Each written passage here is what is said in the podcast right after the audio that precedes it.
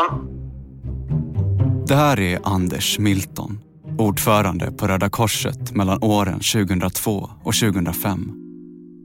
Under tiden på Röda Korset blir Anders Milton och Johan av Donner polare. En vänskap som fortsätter även efter att Anders lämnat Röda Korset. Vi brukar äta eh, middag några gånger på Sturehov. Och det var det liksom en gång per ja, termin kanske. Och jag menar då, du vet, förrätt, pilsner, snaps, en köttbit, panna rött, dela på alltihopa. Det på sitt. Vad brukade ni prata om liksom? Ja, vet, hur fan läget, vet, hur går det, vad gör ni? Och så vidare. Det var, det var inget, ingenting som var som på något sätt antydde eller andades uh, att det skulle vara någon sorts verksamhet som inte var legal. Anders Milton verkar knappt vilja kännas vid att han och Johan av Donner en gång i tiden var vänner. Fanns det något sånt där som ni brukade hänga fast vid, du och Johan nej, specifikt? Nej, nej, nej. Alltså, jag pratar inte om mina, min familj och han pratar inte om sin familj. Det var två grabbar som träffades. Mm. Och vad pratar man om då? då? Ja, allt möjligt annat. Politiken, vad fan händer? Vad gör de? Vad gör de? Och så vidare. Alltså det, det, the usual. Just det. Om du träffar dina kompisar liksom, så, så har ni inte ett schema ni går igenom normalt sett. Va? Ni kanske har det, men jag, jag har inte haft det. En nubbe, en pilsner, två glas rött. That's it. Ja, men det, var, det var inga konstigheter. Det var, återigen, det var en helt vanlig middag. Under flera år träffas Anders Milton och Johan av Donner. Käkar middag, delar en pava rött och pratar om vad fan som händer. Och den första juni 2009 är det dags igen. Sätta på ner en liten lunchrestaurang. Men den här gången är stämningen annorlunda. Då berättade han att han hade slutat på Röda Korset. Jaha, så vad hände då? Ja, vi var, vi var inte överens om det formella. Och eftersom jag har jobbat fackligt så frågade jag honom, blir du uppsagd eller står du upp dig själv? Därför att blir du uppsagd så kan du ju liksom få några månadslöner beroende på vad, vad skälen är så att säga. Nej, han har sagt upp sig själv. Okej, okay, okej. Okay. Så pratade vi inte mer om det. Det var sista gången vi sågs faktiskt. Third Ear Studio presenterar Skuggland säsong 2 Korsfararen. Ett program i fem delar av Mårten Trofast. Avsnitt 5 Persona non grata. Vid det här laget vet du kanske vad jag ska säga. Men om du älskar den här typen av poddar har jag ett tips till dig. Vi på Third Ear Studio har en massa spännande program. Och för 49 kronor i månaden får du full tillgång till allt som vi gör. Gå in på thirdearstudio.com eller läs mer i avsnittsbeskrivningen. Nu fortsätter sista avsnittet av Skuggland. Det är nästan vår i luften. Det är maj 2009. Några veckor innan Johans lunch med Anders Milton. Det har gått ett halvår sedan cirka Gustafsson upptäckte de märkliga fakturorna från tryckmedia och berättade om sina misstankar för Maria Leskinen och Petra Lindskog. Sedan dess har Cirka själv inte velat följa vad som händer. Som sagt var, jag försökte rädda mig själv. Jag sa att jag vill inte veta. Cirka Gustafsson har gått bakom ryggen på sin egen chef, Johan av Donner. Att se honom komma in på huvudkontoret varje dag, lyckligt ovetande som hennes svek, är plågsamt. Cirka håller masken, men hon är ständigt orolig för att bli avslöjad. Tiden gick och Johan är ju väldigt, han är väldigt, jag tror att han känner väldigt sådär bra när vi ändå var väldigt nära varandra. Och vi skojade och du vet, vi fikade och han ville bjuda mig på lunch och sådär. Och så han frågade, är allt bra? Och, och, och sådär. Så att eh, jag nu var som vanligt, tyckte jag. Men naturligtvis han kanske också misstänkte någonting. Och eh, det var naturligtvis väldigt jobbigt för mig när det tog flera månader. Och då, att, då fick jag magsår faktiskt. På grund av det. Det måste ha varit en jobbig period där? När... Väldigt jobbigt. Det var väldigt jobbigt, ja. Tiden går och ingenting verkar hända. Johan av Donner jobbar fortfarande kvar och han är precis som vanligt. Relationen mellan Cirka och Johan är minst sagt märklig. De spelar båda något slags dubbelspel. Men till skillnad från Johan är Cirka Gustafsson en ovan spelare. Hon vill bara att charaderna ska ta slut. Jag var så arg. Jag var alltså förtvivlat. Att, att hände det ingenting här? Och, och varför det händer ingenting? Men sakta känner Cirka Gustafsson av något. Det är något som är konstigt med Johan av Donner. Jag märkte naturligtvis att Johan hade blivit annorlunda. Han, hade, han var jättenervös och, och han, han var nästan inte på kontoret. Han sprang någonstans och han frågade om jag vet någonting om mobillån, eh, att man kan få någon lån på mobilen och sådär. Så han var liksom lite desperat. Man såg det på honom. Cirka Gustafsson har ingen aning om Johan av Donners möte med forensikutredningen att han bara har en vecka på sig att skaffa fram material. Material som ska visa att han inte har några som helst skumma affärer med tryckmedia. Och eh, sen, sen han eh, började just berätta att han mådde inte så bra och, och, och, och eh, han håller på att bli sjuk och, och sådär. Så man förstod att det stämmer inte. Så är vi framme vid måndagen den 19 maj 2009. I ett mötesrum på Röda Korsets huvudkontor sitter Per Storbacka, Projekt Saturnus forensikutredare. Han väntar på Johan av Donner. Det är nu som det där mötet ska ske. Det är nu Johan av Donner ska få en sista chans att förklara sig. Men Johan dyker inte upp. Det hände aldrig. Johan av Donner är sjuk. Han berättar för generalsekreterare Christer Zettergren att han fått leukemi och därför inte kan komma på mötet.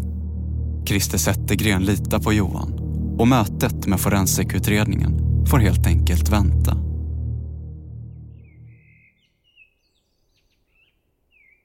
Det är Kristi himmelfärd 2009. Fyra dagar efter det inställda mötet Solen står högt över Stockholm. Det lutar åt sommar. Cirka Gustafsson och hennes man packar bilen för en långhelg på landet i Grisslehamn. Men det här kommer inte att bli någon vanlig semester. För Cirka Gustafsson har bestämt sig. Hon måste göra något. Hon måste konfrontera Christer Zettergren. Nu har det gått flera månader och då var det också som jag kände att nu klarar jag inte mera längre. Och passande nog har också Christer Zettergren landställe i Grisslehamn. Och då åkte vi till landet och vi körde förbi hans hus och då råkade Christer vara ute. Då hoppade jag från bilen och sa till Christer att nu Christer, nu måste du göra något. Att nu, nu, nu spricker det här snart. Nu brinner det. Och då sa det Christer, ja, men jag kan ju inte göra något att Johan är sjuk. Jag sa det, han är inte alls sjuk. Vad då han är sjuk? Jo, jo, han är ju sjuk. Han har ju leukemi. Han, han är inlagt i, i, i eh, Sofia-hemmet. Nej, sa jag, det stämmer inte alls. Han är ju hemma. Jag sa det, ring till hans fru. Christer Zettergren tvekar ett tag. Men så till slut tar han upp telefonen och ringer hem till Av Donners. Och eh, Johans hustru svarar frun och så säger eh, Christer, men hur mår Johan nu? Jo, han mår jättebra. Han är på gården och tvättar bilen. Så han låg inte på Sofia Och jag visste att han ljög. Nu verkar det också gå upp för Christer Zettergren vem det är han har att göra med. Senare samma dag konfronterar Christer Zettergren Johan med hans lögn. Och nu händer något mycket märkligt. Johan av Donner svarar med att säga upp sig med omedelbar verkan. Det ringer på Kalle Levenhaupts telefon. Det är Johan av Donner som ringer.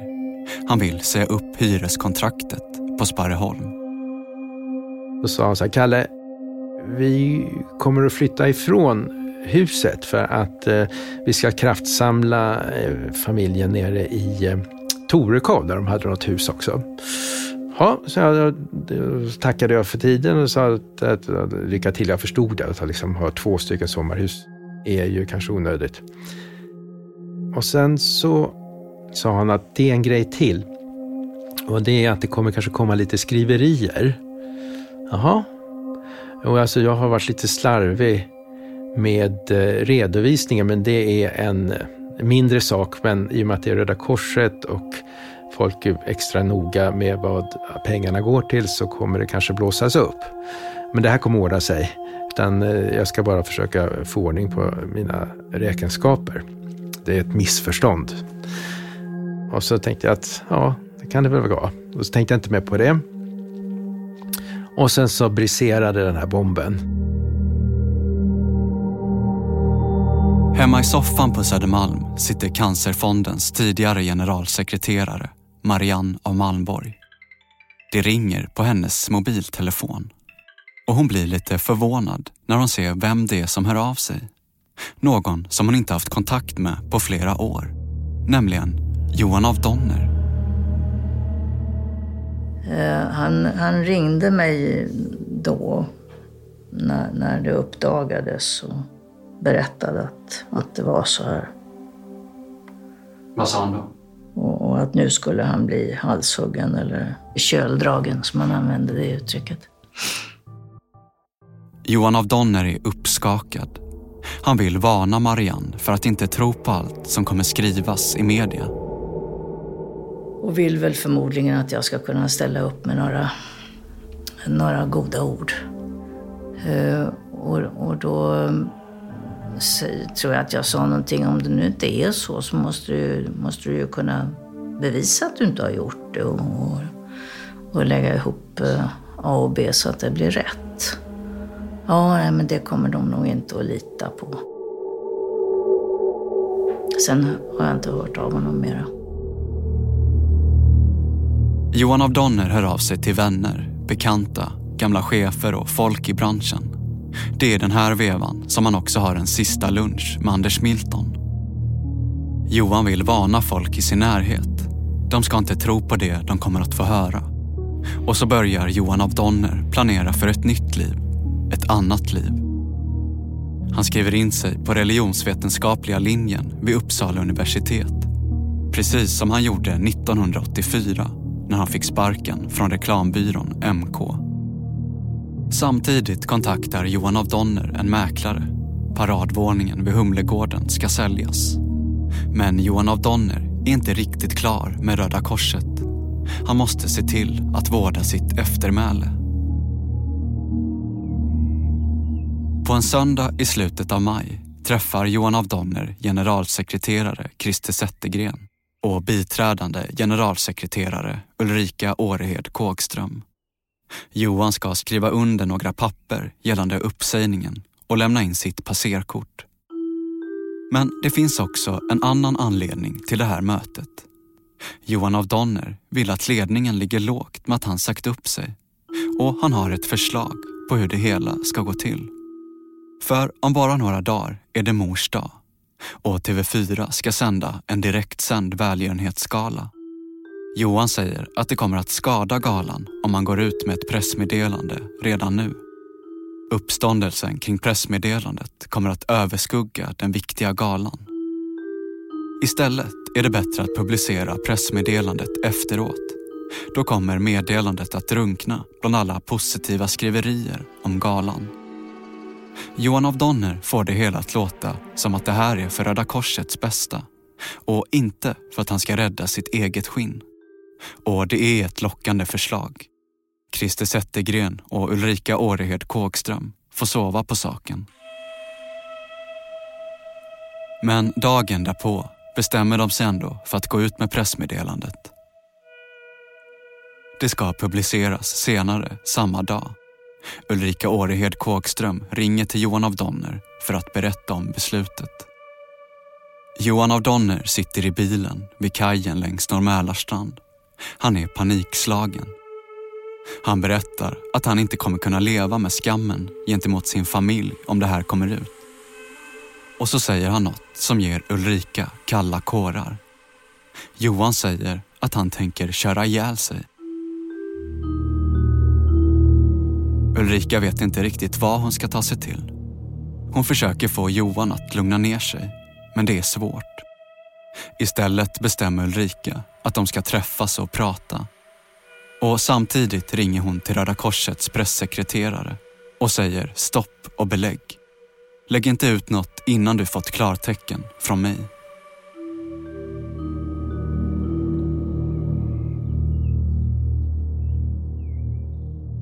Det är eftermiddag ute vid Gripsholms slott i Mariefred. Röda Korsets ledningsgrupp har konferens. Biträdande generalsekreterare Ulrika Årehed Kåkström har hastigt sprungit ut från en föreläsning. Hon står och väntar på parkeringsplatsen. Hon väntar på Johan av Donner. Efter ett tag kommer en svart Toyota farandes över Slottsbron och stannar på parkeringen. Johan af Donner kliver ur bilen. Ulrika kramar om honom. De tar en promenad på gården och samtalar om livet och döden och allt däremellan. Johan berättar att han tagit emot pengar från tryckmedia och att han kommer hamna i fängelse. Han säger att han inte informerat familjen än och att han inte kommer kunna leva med epitetet att han varit med fingrarna i kollekthoven. Mycket mer än så berättar Johan av Donner inte. Och Ulrika vill inte fråga för mycket med tanke på Johans tillstånd. Men hon misstänker att Johan gjort något som är väldigt fel och förklarar att pressmeddelandet kommer att publiceras.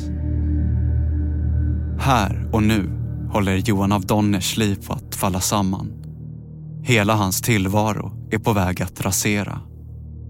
Johan hoppar in i den svarta Toyotan igen och försvinner i kvällningen. Dagen därpå, onsdagen den 27 maj 2009, publiceras ett pressmeddelande på Röda Korsets hemsida. Kommunikationschefen Johan av Donner lämnar sin tjänst på Svenska Röda Korset sedan det uppstått brister i förtroendet mellan honom och ledningen och att han valt att avgå på egen begäran Mer information än så lämnas inte ut. Ingen information om den pågående internutredningen eller varför det uppstått brister i förtroendet. Och på söndagen den 31 maj 2009 sänder TV4 välgörenhetsgalan Rädda mammorna.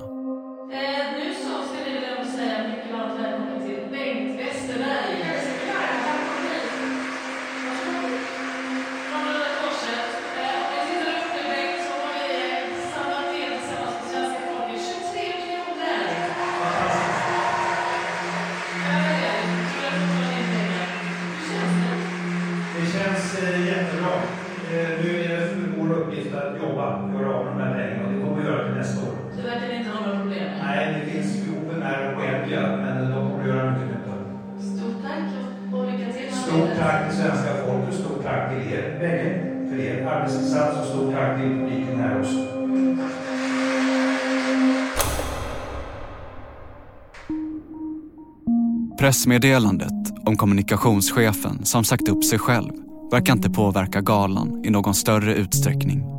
Över 25 miljoner kronor samlas in till fattiga mammor runt om i världen. Och dagen efter är forensikutredningen slutligen klar. Den har pågått i två månader och kostat nästan en halv miljon kronor. Men den kommer egentligen inte fram till någonting nytt överhuvudtaget. Johan av Donners affärer med tryckmedia verkar skumma, men inte nödvändigtvis olagliga. Och utredaren Per Storbacka ser egentligen bara en väg som Röda Korset kan gå om de verkligen vill veta hur det förhåller sig. Att överlämna ärendet till polisen. På Röda Korsets kommunikationsavdelning är många besvikna på icke-resultatet. I synnerhet Cirka Gustavsson som hoppades att historien om Johan av Donner skulle sluta här. ingenting är fel, allting stämmer. Och det var naturligtvis katastrof för mig. Den 2 juni 2009 gör generalsekreterare Christer Zettergren en polisanmälan. Men han väljer att inte berätta om anmälan, varken internt eller för media. Och så här långt går allting som Johan af Donner har tänkt sig. Ingen uppståndelse kring Röda Korset. Ingen skvallerpress som svärtar ner hans rykte. Kanske kan Johan af Donner komma undan även denna gång och fortsätta sin karriär någon annanstans. Precis som han gjorde 1984 när han fick sparken från MK. Men riktigt så enkelt kommer det inte att gå den här gången. För någon på Röda Korset har skvallrat till media. En av svenska Röda Korsets högsta chefer misstänks ha svindlat hjälporganisationen på stora summor med hjälp av falska fakturor. Mannen sa upp sig i maj efter att Röda Korset upptäckt brister i bokföringen. Omfattningen av det misstänkta bedrägeriet är oklar än så länge men det kan röra sig om miljonbelopp. Den 9 juni 2009 briserar bomben. Att en av de högsta cheferna på Röda Korset är polisanmäld misstänkt för att ha svindlat organisationen på miljonbelopp. I TV4-nyheterna intervjuas generalsekreterare Christer Zettergren. Oavsett antalet kronor och ören så är det ju för mycket och därför så ser vi ju djupt tragiskt och väldigt allvarligt på det hela hur ser du på trovärdigheten för Röda Korset som hjälporganisation efter det här?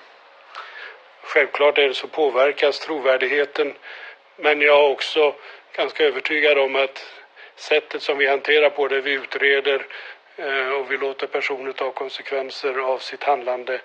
Det gör också att det stärker förtroendet. Men det kommer inte riktigt bli som Christer Zettergren har tänkt sig. Det här är bara starten av det som ska komma att bli den största förtroendekrisen i Svenska Röda Korsets historia. Och samma dag som avslöjandet går tidningen Resumé ut med den misstänktes namn. Johan av Donners plan att smita ut bakvägen har gått åt skogen. På eftermiddagen samma dag ringer det återigen på Kalle Levenhaupts telefon. Det är från polisen. Och sa att ehm, är det ni som hyr ut hus till Johan av Donner? Ja, det gör jag, fast nu har Johan sagt upp det. Men han har inte flyttat ut ännu. Okej, okay, kan vi få komma eh, förbi och titta in i huset? Ja, det får ni gärna göra. För då, då var det klart att Johan var anklagad för någonting, så jag tänkte att de kanske letade efter papper. Men sen när de kom till mig så, så sa de att vi är här för att titta på hans vapenskåp. Vi har fog för att tro att han eventuellt är självmordsbenägen. Det ryker borta vid Björndammen. I ett kärr står en svart Toyota med halva nosen mot marken. I vägrenen ligger ett räcke. Bilen går på tomgång. Den är ordentligt tilltufsad. Så vrider plötsligt någon av tändningen och öppnar dörren. Johan av Donner blöder ifrån huvudet. Han har kört av vägen på riksväg 55 ut mot Sparreholm. Johan av Donner körs in till lasarettet i Eskilstuna och dagen därpå hälsar en polispatrull på vid sjukhussängen. Johan av Donner grips och förs till Kronobergshäktet i Stockholm misstänkt för att ha förskingrat pengar från Röda Korset.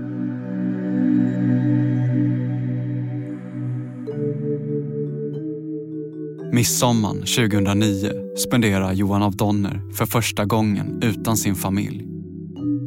Och här någonstans måste det uppgå för Johan vad han egentligen ställt till med. Vilket oerhört högt spel han spelat. Från att ha varit Insamlings-Sveriges posterboy, representant för världens största humanitära organisation. Från att ha suttit i morgonsoffor i Clubblazer och pratat om svält, fattigdom och krig. Till att nu fira midsommar ensam i en häktescell utan varken sill eller samvete. Johan av Donners förre chef, Marianne av Malmborg, kanske bäst sätter ord på Johans uppgång och fall. Upp som en sol och ner som en pannkaka. Men så en vacker eftermiddag den 7 juli 2009, efter många långa förhör, försätts Johan av Donner på fri fot. Sommaren passerar och till hösten kliver Johan av Donner in genom dörrarna vid Uppsala universitet. Han ska bli präst. Samtidigt håller en fullständig kris på att utveckla sig. För även om Johan av Donner inte är dömd är skadan för Röda Korset redan skedd. Att en kommunikationschef på världens största humanitära organisation med målet att förhindra och lindra mänskligt lidande misstänks ha stoppat bidragsgivarnas pengar i egen ficka. Ja, det blir en medial skandal.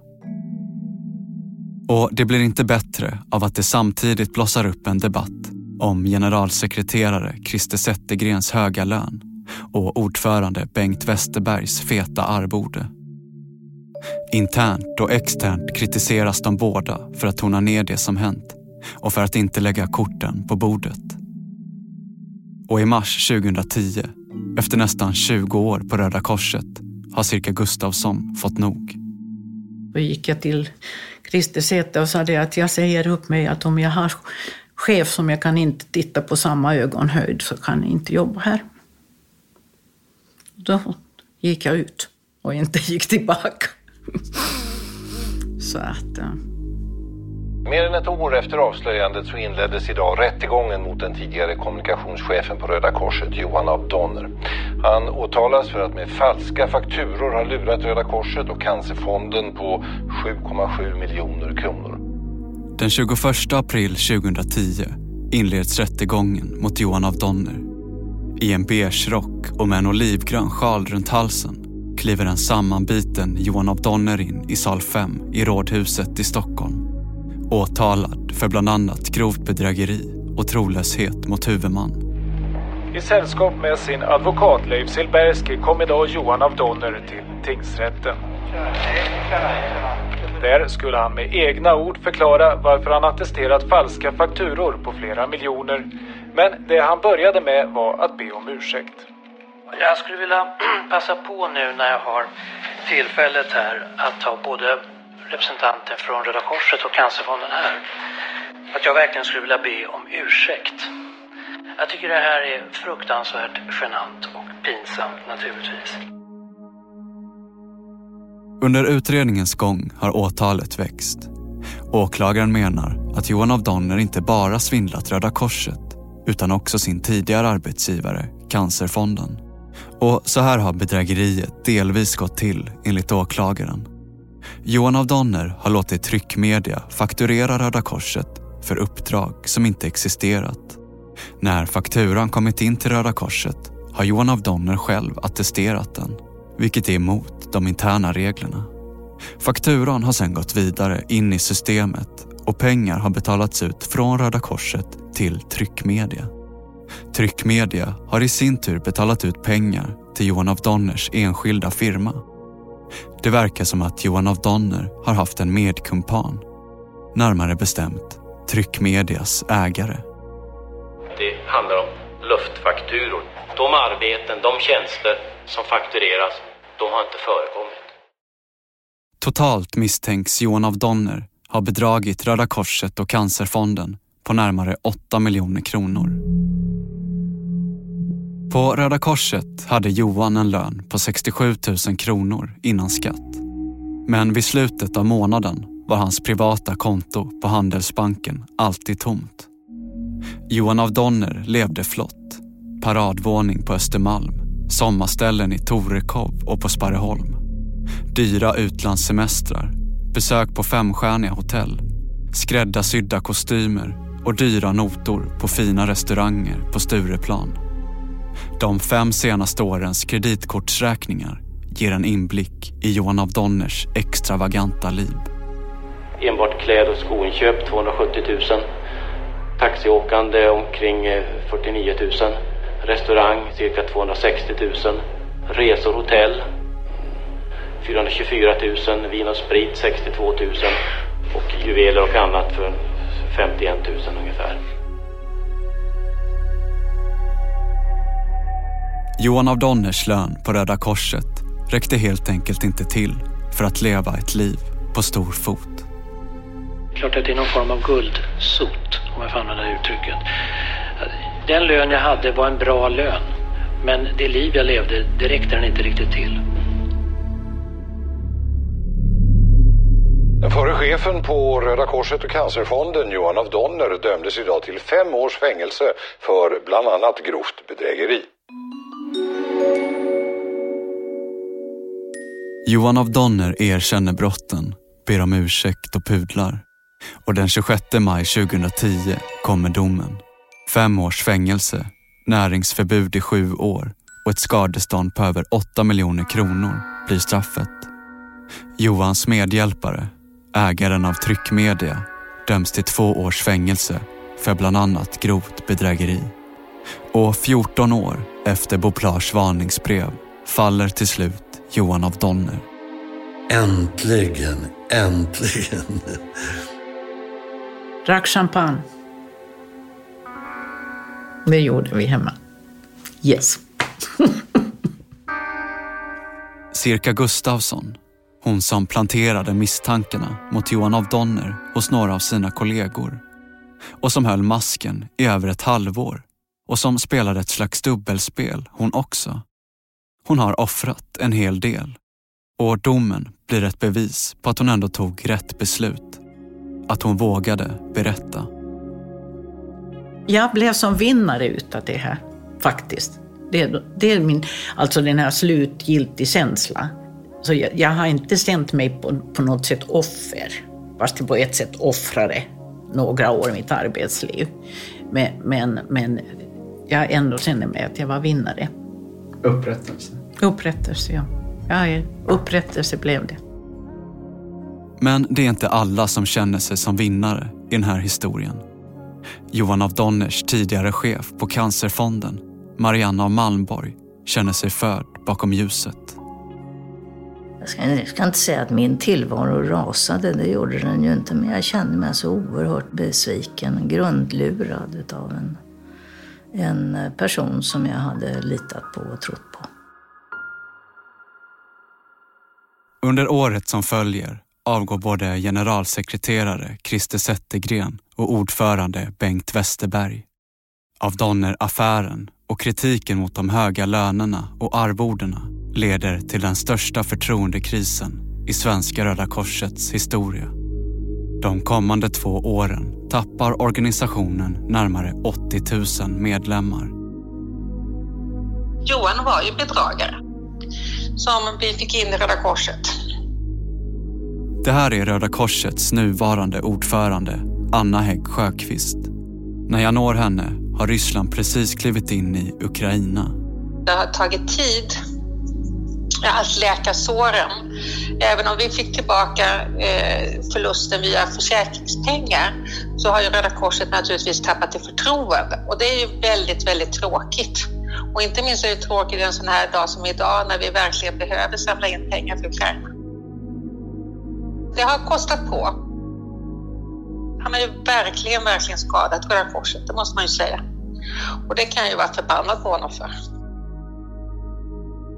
Men menar du att det som hände då fortfarande, det är fortfarande svårt att läka de såren för Röda? Ja, alltså jag möter ju ibland eh, i min, min roll som ordförande här nu, jag har bara varit det sedan i maj, eh, men då har jag varit ute och träffat lokala organisationer, våra lokala frivilliga.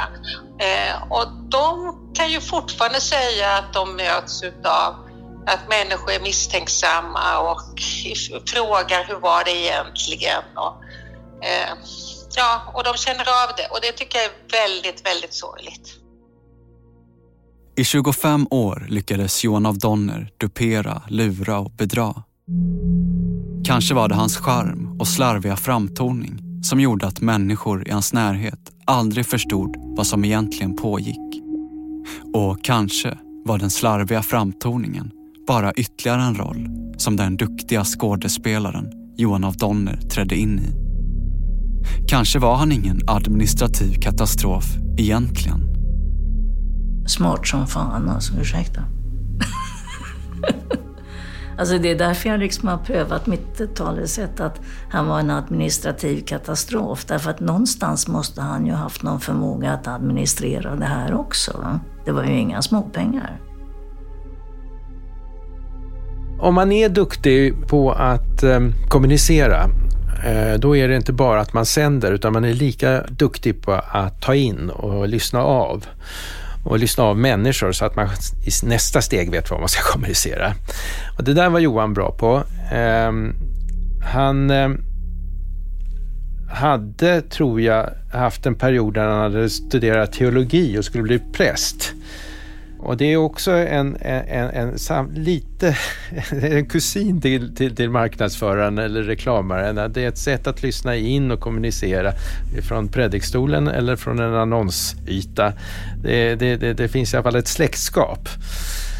Och ska man göra det och är man så duktig som Johan var i det, då gäller det att ha sin etiska kompass riktigt. Så att man vet var gränserna går. Och i Johans fall så snurrade den där kompassen ganska rejält. Han, han, han kunde inte dra gränser var han skulle sluta. Kalle Levenhaupt känner sig lurad och försmådd. Att någon som varit en vän och kollega visade sig vara en bedragare blir ett personligt trauma. Och det som gör det hela ännu mer smärtsamt, det är att allting började med hans pappas död. För Kalle Levenhaupt är personen Johan av Donner en gåta. Han gjorde de facto en jättestor nytta samtidigt som han gjorde en jättestor skada.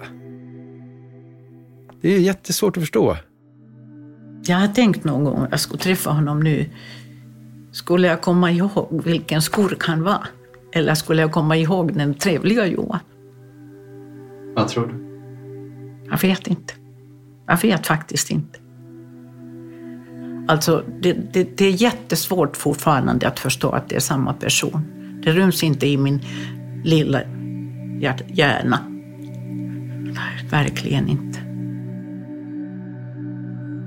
Att stjäla pengar från en välgörenhetsorganisation sällar sig kanske till ett av de moraliskt mest förkastliga saker man kan göra. Pengar som borde gått till svältfödda barn i Sudan, till krigets offer i Jemen eller till fattiga mammor i Afghanistan hamnade istället i kommunikationschefen Johan av Donners egen ficka. Han blev ju på något sätt persona non grata med tanke på det han hade gjort. Johan av Donner har idag avtjänat sitt straff och han har bett om ursäkt. Jag skulle vilja passa på nu när jag har tillfället här att ta både representanten från Röda Korset och Cancerfonden här. Att jag verkligen skulle vilja be om ursäkt jag tycker det här är fruktansvärt genant och pinsamt naturligtvis. Men hur är det nu egentligen med Johan av Donners moraliska kompass? Är han verkligen så ångerfull som han ger sken av att vara? Jag träffade honom tror jag den sista gången kanske något år efter det här uppdagades. Då så sa Johan att han, att han, um, han tyckte att han var värd det. Han förstod egentligen inte uppståndelsen. Han sa att jag har dragit in så här mycket pengar så att jag förtjänar att ha de här pengarna. Kanske var Johan av Donners ursäkt bara ett spel för galleriet. Ett försök att få ett lindrigare straff. Kanske kände Johan av Donner att han var värd pengarna med tanke på hur mycket han samlade in. Johan av Donner hittade på ett eget bonussystem Nämligen att ta pengar från de mest behövande och ge till sig själv. Allt för att sätta lite extra guldkant på vardagen. Jag drabbades väl av den berömda guldsoten helt enkelt.